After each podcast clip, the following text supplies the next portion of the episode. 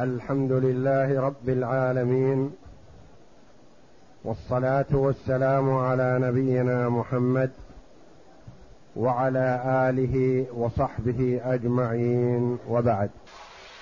بسم الله الرحمن الرحيم والصلاة والسلام على أشرف الأنبياء والمرسلين نبينا محمد وعلى آله وصحبه أجمعين. قال المؤلف رحمه الله تعالى فصل وينفق على الوقف من حيث شرط من حيث شرط الواقف لأنه لما اتبع شرط الواقف في سبيله كذلك في في سبله كذلك في النفقة عليه.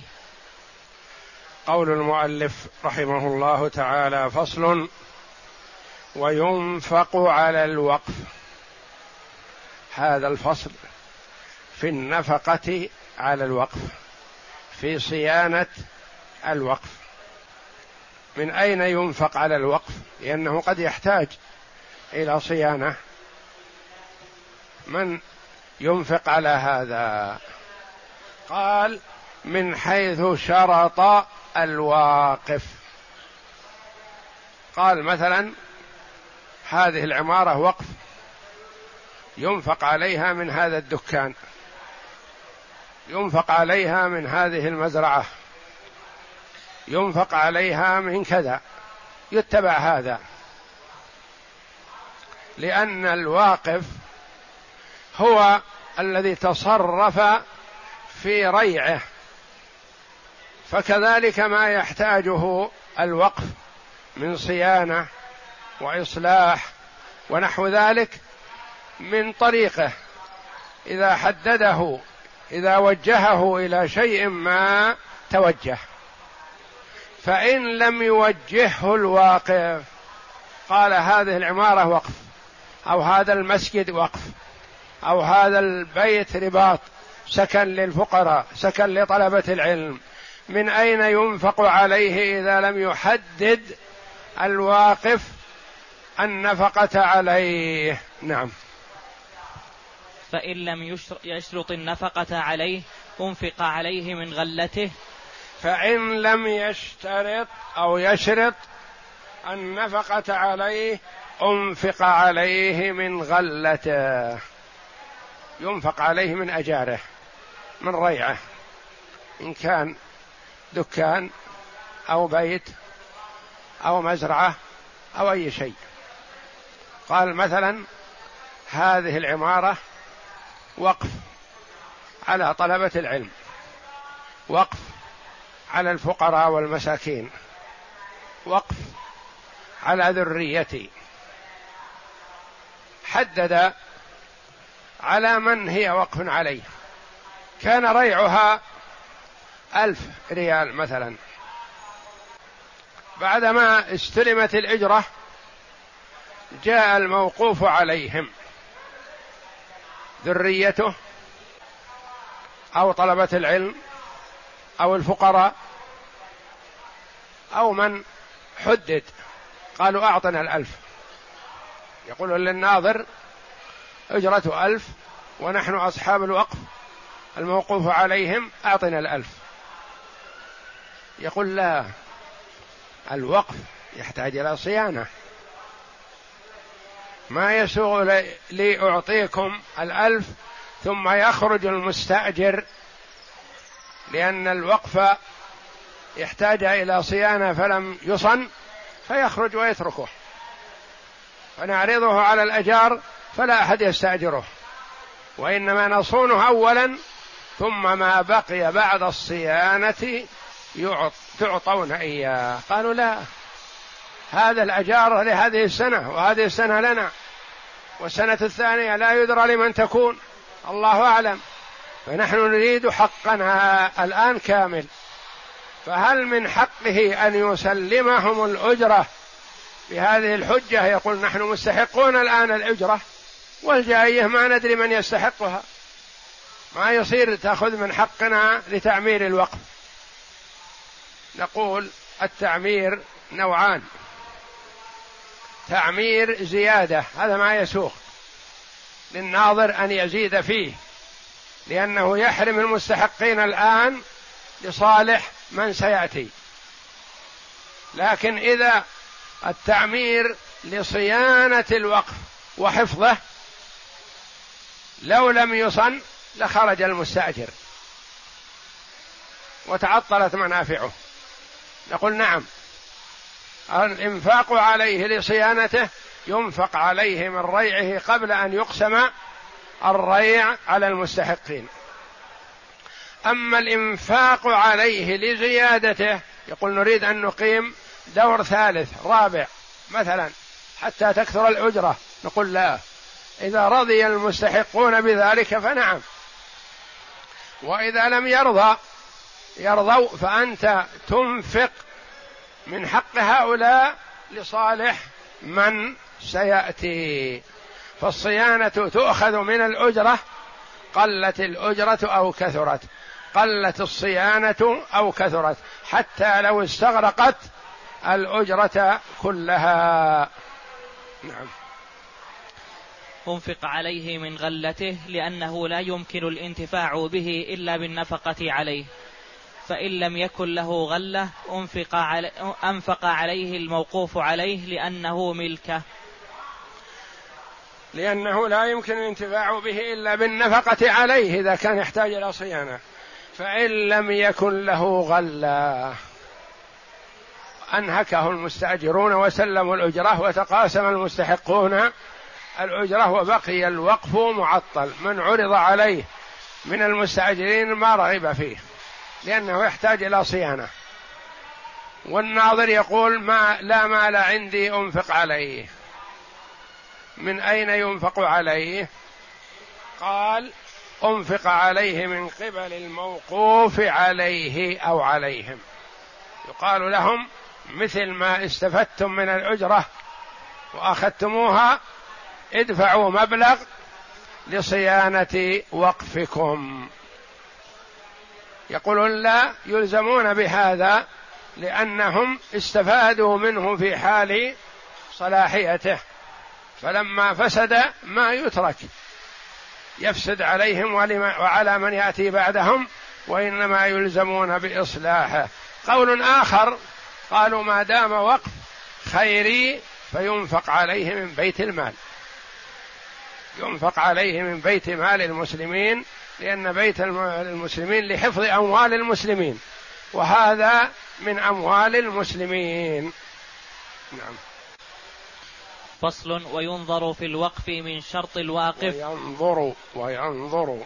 وينظر في الوقف من من حيث شرط شرط الواقف. لأن عمر رضي الله عنه جعل النظر في وقفه إلى حفصة ابنته ثم إلى ذوي الرأي من أهلها. هذا الفصل في من ينظر على الوقف من يكون ناظرا على الوقف إذا لم يحدد الناظر أو حدد هل يطاع في تحديده؟ الجواب نعم.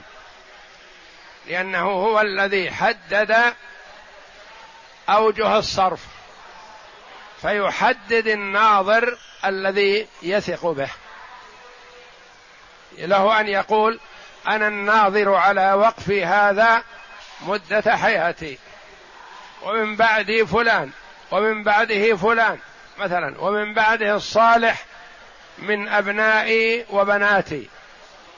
على أن يكونوا واحد أو اثنين أو خمسة وهكذا. فينظر في الوقف من حدده الواقف. ما الدليل على هذا؟ لأن عمر رضي الله عنه قال ينظر في وقفه حفصة أم المؤمنين رضي الله عنها.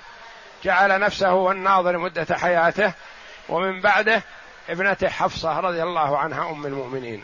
أخذ من هذا أنه يصلح أن يكون الناظر رجلا وأن يكون امرأة وأن يكون الواقف نفسه هو الناظر سواء كان الواقف رجلا أو امرأة.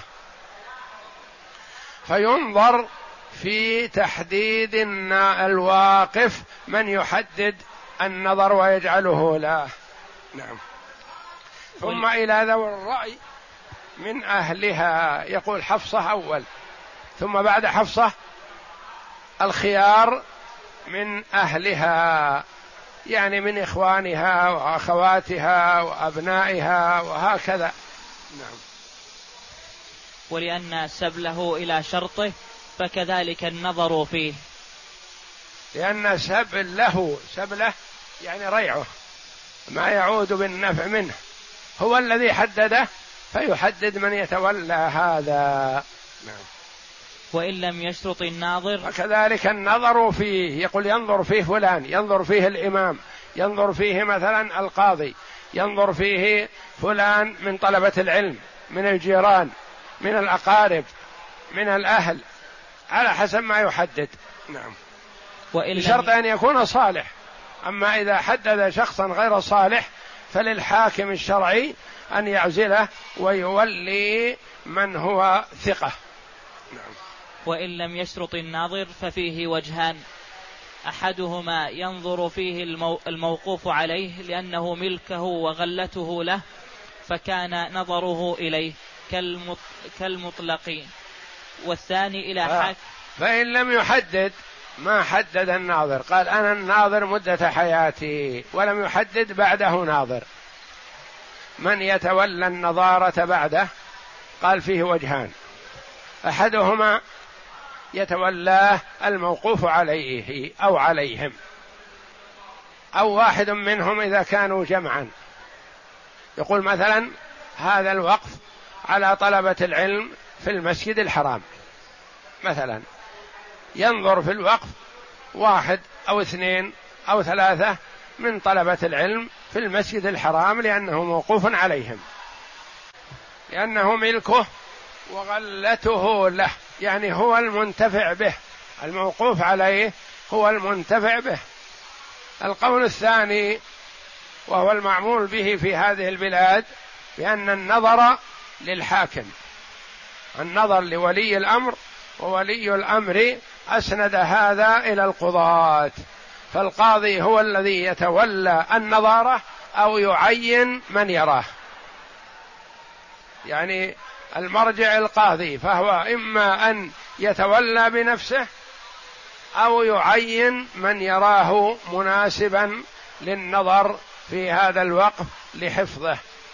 لأن الموقوف عليه قد لا يوثق به قد ينهكه من أجل استغلاله ثم يفسد بعد هذا ولا يصونه بشيء فإذا انتهى دوره وإذا هو غير قابل للتأجير. فالأولى أن يكون النظر للحاكم ثم الحاكم إن رأى أن الموقوف عليه أهلا للنظارة عينه. وإلا يعين غيره.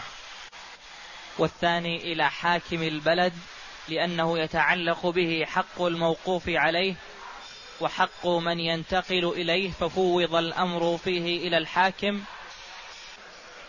والثاني أي الوجه الثاني إلى الحاكم حاكم البلد لأنه يتعلق به حق الموقوف عليه وحق من ينتقل إليه لأن ليس الحق للموقوف عليه حاليا لأجيال سابقة فهو ينظر في المصلحة لحفظ لحفظ حق الحاضرين ومن سيوجد بعد ذلك.